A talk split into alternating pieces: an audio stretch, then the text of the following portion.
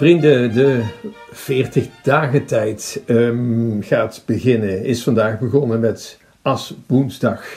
En u weet, waar eindigt de 40 dagen tijd, een mooie tijd van bezinning, Goede Vrijdag. Het loopt uit op het kruis. Um, wat is de taak van Jezus? We weten het, zijn leven geven om ons te redden het fundamentele van deze tijd ook is: wie is Jezus? Daar moeten we ons op focussen en dan gaan we de rest ook een stuk beter begrijpen. Is Jezus een leraar? Zeker, zeker. Maar dat is niet wat hij ten diepste is. Is Jezus degene die wonderen verricht? Zeker. Ook dat is niet waar hij voor gekomen is. Is Jezus een ethisch hoogstaand eh, man die vertreffelijk voorbeeldig leeft en een goed voorbeeld geeft? Zeker. En toch ook daar gaat het niet om. Waarom wel? En dan komen we bij Johannes de Doper terecht. Degene die zou komen, die aangezegd is en voorzien is door de profeten. Als hij eenmaal gekomen is, Johannes de Doper wijst hem aan. Hij wijst naar Jezus en zegt dan: Zie het Lam Gods dat de zonde van de wereld wegneemt het lam gods, wij denken bij een lammetje aan een, een, een, eh, een, aaibaar beestje. In die tijd wisten ze wel beter, want waar werden lammetjes voor gebruikt? Om te offeren. Die werden geslacht om te offeren als teken van berouw, van boete. Die werden daar geofferd in de tempel. Dus als Johannes zegt, zie het lam gods, dan heeft men daar geen lieftallige gedachte bij het lam Gods dat de zonde van de wereld wegneemt. Als je heel die Bijbel leest, het Nieuwe Testament leest, door die lens, door die woorden van Johannes de Doper, dan gaan we alles veel beter verstaan. Dan beseffen we ook die wonderwerken. Moeten we dat symbolisch opvatten? Nee, hier is God aan het werk. Dus die hebben wel degelijk plaatsgevonden. Het lam van God dat de zonde van de wereld wegneemt, daar gaat het om. Om ons hij roept ons op tot bekering. Het kan anders en met zijn hulp kan het anders. Hij laat het kruis weg en er blijft echt niks over. Um, begin van Jezus' openbaar leven, we weten het, hij is in de woestijn. Wordt hij op de proef gesteld door de duivel met een drietal verleidingen. De eerste, wat zegt, wat zegt um, de duivel? Als je de zoon van God bent, maak dan brood van die stenen. Overigens schijnt het zo te zijn, ik ben daar nooit geweest, maar als je daar uh, in de woestijn bent, net buiten Jeruzalem overigens, die steentjes die daar liggen, die lijken op die, die platte broden van die tijd. Dus dat is al een eerste iets. Um, was dat een verleiding? Jezus, zoon van God, hij die, die het kwaad niet kent, niet geneigd is tot het kwaad, hoe kan hij verleidingen kennen?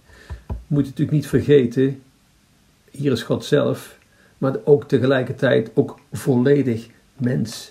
En een mens die krijgt honger als je een aantal dagen vast. Dus dat moeten we niet vreemd vinden.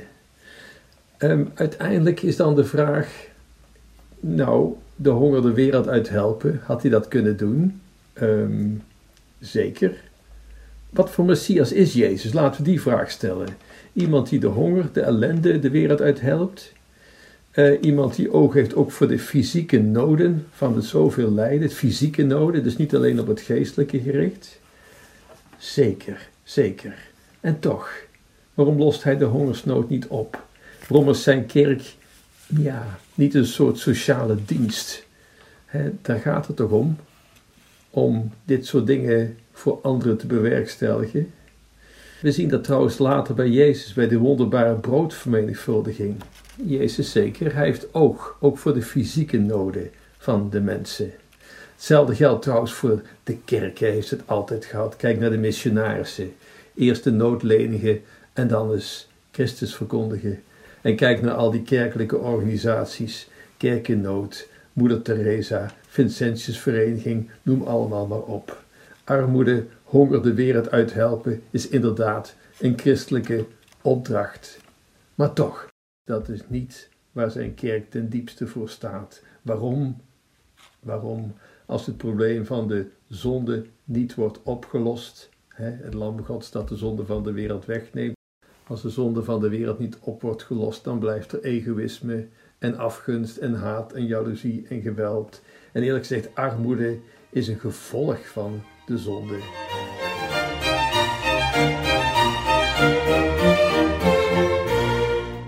Kijk eens naar de eerste christenen, hoe zij alles met elkaar deelden. Dat moeten we overigens niet verwarren, zoals ik onlangs hoorde, dat een pleidooi voor een communistisch systeem zoals in China. Dat is een afschuwelijk systeem. Waarom? Het moet wel vrijwillig zijn. Als ik met het pistool op mijn hoofd alles afgeef, dan heeft het werkelijk niets te maken met christelijke idealen. Daar waar met ijzeren vuist wordt geregeerd, ja, daar kun je gelijkheid nastreven, maar dat gaat ten koste van vrijheid, van alle vrijheid. Um, zonde is oorzaak van uitbuiting, overheersing, afgunst, noem het rijtje maar op. moeder Teresa zei het al, als de mens niet verandert, zal de wereld nooit veranderen. Je kunt niet door systemen te veranderen de wereld verbeteren. Het zal bij de mens moeten beginnen. En dus zegt Jezus als antwoord op die verleiding van de duivel: De mens leeft niet van brood alleen, maar van elk woord dat komt uit de mond van God. Gods woord is in staat mensen te transformeren, mensen te doen omkeren, ten goede te keren. Politiek, goeroes, machtshebbers, filosofen, kijk de geschiedenisboekjes erop na, die zijn daar niet toe in staat. De geschiedenis stapelt ruïne op ruïne.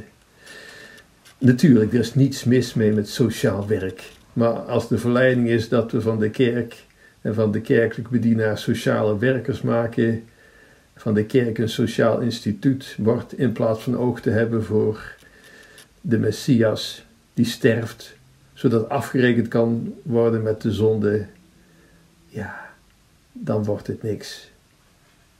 Kijk naar wie Christus is, kijk naar wat hij doet en kijk hoe dat verandering teweeg heeft gebracht. De allereerste was de honderd man Waarlijk, deze is de Zoon van God. En reken maar dat het hij een ander mens is geworden. Mooie anekdote vind ik altijd, moeder Teresa. Die kreeg klachten van de zusters. Zoveel werk, zoveel werk, zoveel ellende. En zo weinig handen om dat werk aan te gaan. En wat deed moeder Teresa? Laten we s'morgens beginnen met een extra half uur aanbidding. En zo waar, de klachten hielden op. Daar begint het.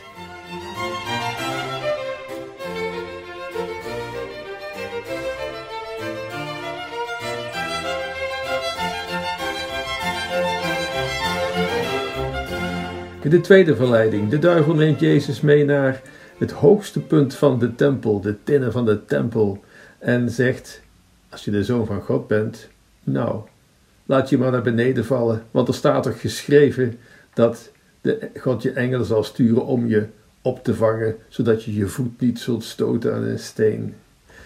Um, grappig is altijd, er staat geschreven, zegt de duivel. Jazeker, de duivel weet ten eerste goed wie Jezus is. Ehm, en hij kent de Bijbel goed. Dus als u om de oren wordt geslagen met Bijbelcitaten, let een beetje op de context. Het zegt allemaal niet zoveel. De duivel is er erg goed in. Um, de tempel, in die dagen het centrum van het hele leven van Israël. Het hoogtepunt van politiek leven speelde zich daar af, het cultureel leven en uiteraard het religieuze leven. De top van de tempel staat voor de top van de maatschappij. dan werd je inderdaad door iedereen bewonderd. Dan was je echt, dan had je het helemaal gemaakt. Ik vergelijk het maar met, met topsporters die iedereen kent uh, met Champions League, waar dit heel de wereld kent, met entertainers, politieke wereldleiders, uh, glitter en glamour. Je bent gekend en ja, we weten hoe dat gaat. En weten dat Jezus de Zoon van God is, maar ook volledig mens, dat moeten we niet vergeten, is hier ook misschien wel een verleiding voor Jezus. Want Hij zou natuurlijk het ene na het andere wonder kunnen verrichten en mensen in vervoering brengen. En misschien waren ze dan wel meer vatbaar voor zijn boodschap. Jezus heeft overigens wonderen verricht, hè? we weten het. Hij trok weldoende rond en hij genas zieken. En hij trok veel volk, ze bewonderden hem, hij had aandacht. Maar hij wilde wel dat mensen begrepen waar het hem om te doen was. We merken het als hij een stukje verder in het evangelie bij de wonderbare broodvermenigvuldiging. En de mensen gingen hem achterna. Um, maar om de verkeerde redenen, zo merkte Jezus. Ze vonden het wel makkelijk, zo iemand die voor brood kon zorgen. Maar daarvoor is hij niet gekomen. Denk aan die woorden van Johannes de Doper, het lam van God dat de zonde van de wereld wegneemt. Uh, heeft ook de, de kerk altijd de opdracht gehad om Jezus te verkondigen tot het einde der wereld. Dus om hem bekend te maken. Maar hier zit toch de verleiding. Zijn faam, nee, dat is geen wereldse faam. Zijn uiteindelijke faam, ja. Kijk naar Goede Vrijdag, waar heel de vaste tijd op uitloopt. Wat voor faam is dat? Als een crimineel gekruisigd, een afschuwelijke dood. En daar is waar hij het kwaad heeft overwonnen. En daar was het om te doen. Hij denkt nogmaals aan die honderd man. Waarlijk, dit is de Zoon van God. Het is die kruisdood die de mensen de ogen heeft geopend. Waarom doet hij dit? En uiteindelijk kom je maar tot één conclusie: uit liefde voor ons. En dat maakt dat de mens verandert en hem wil navolgen. Het lam Gods dat de zonde van de wereld wegneemt. Niet op de top van de tempel, maar op het kruis. Overigens, dat is ook hoe Jezus wordt, door de kerk wordt verkondigd. Niet als de held, maar als de gekruisigde Christus. En ook hier weer de vraag: wat zou wereldse faam bijdragen aan een betere wereld als de wereld zelf onaangetast bleef door de zonde? Dat zou niets oplossen. De rol van Jezus is hier de leidende dienaar die mensen de ogen opent, de schellen van de ogen doet vallen. de honderd man die het dan pas ziet. Je ziet het zo vaak in de wereld, de heiligen. Zij doen de mensen de schellen van de ogen vallen door geen kwaad met kwaad te vergelden, door vergevingsgezind te zijn, door op, zich op te offeren voor anderen, door nederig te zijn, dat soort zaken. Totale tegendeel van wereldse faam.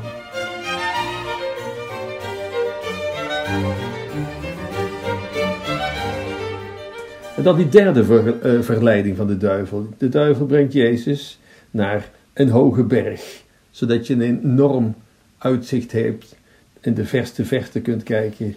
En wat zegt hij? Als je voor mij neerknielt in aanbidding, dat zegt de duivel dus, dan zal dit alles van jou zijn. En hier heb je de verleiding om een politieke messias te zijn. En, want politiek, dan heb je macht, dan heb je invloed. Ja, Jezus moet die verleiding ook gevoeld hebben. Nogmaals, hij is God, maar ook mens. Een mens als je honger heeft, ja, dat is de verleiding om te eten. Jezus had ook honger. Hij was ook moe. Hij was ook, heeft ook pijn gekend zoals een mens dat kent. Noem allemaal maar op. Hij moet ook de verleiding hebben gehad bij deze derde verleiding om koning te worden. Zoals bijvoorbeeld koning David. Een koning, een rechtvaardige koning, die ieder aan zijn recht laat wedervaren. En toch, Jezus hij zal koning worden. De eerste die dat liet optekenen, Pontius Pilatus. Jezus van Nazareth, koning van de Joden. Ja, en we kennen de, de respons van het volk. Nee, koning van de Joden. Hij zegt hij is koning van de Joden. Quod scriptie, scriptie, wat ik geschreven heb, heb ik geschreven. Jezus zal dus geen koning worden die als een leider aan de touwtjes trekt en de boel kan regelen. Want ja, wie zijn eigenlijk de machtigen van de aarde? Wie zijn degenen die aan de touwtjes trekken? Kennelijk is dat de duivel, want ik zal je al die wereldse macht geven. Kennelijk heeft, is die in, in handen van de duivel. En dat kunnen we wel een beetje snappen, want macht, macht corrompeert. En wanneer? Altijd. En dat is een kwaal die onuitroeibaar is en ook weer met de zonde te maken heeft. Hè. Zelfs leiders van geestelijke organisaties ontkomen er vaak niet aan dat macht corrumpeert. En dan nogmaals weer dezelfde vraag: wat heeft het voor zin om de macht te grijpen als het onderliggende probleem niet opgelost wordt? Dan blijven corruptie, haat, afgunst, egoïsme, overspel, lastig, noem alles maar op. Dan blijft dat en dat leidt alleen maar tot meer problemen. Kijk naar de geschiedenisboekjes, kijk om je heen. Vanaf Caesar tot Stalin tot Noord-Korea en China. Macht corrompeert. En wat is dit voor een koning? Het lam Gods dat de zonde van de wereld wegneemt. Hij die een ander niet wil overheersen, maar die de lasten van anderen wil dragen. Wie is Jezus? Dat is de allesbepalende vraag. Als je wilt begrijpen nogmaals wat er in de Bijbel staat, wat de betekenis is van de wonderen, van zijn leer, je gaat het maar begrijpen als je alles bekijkt door die lens van de woorden van Johannes de Doper. Zie het lam Gods.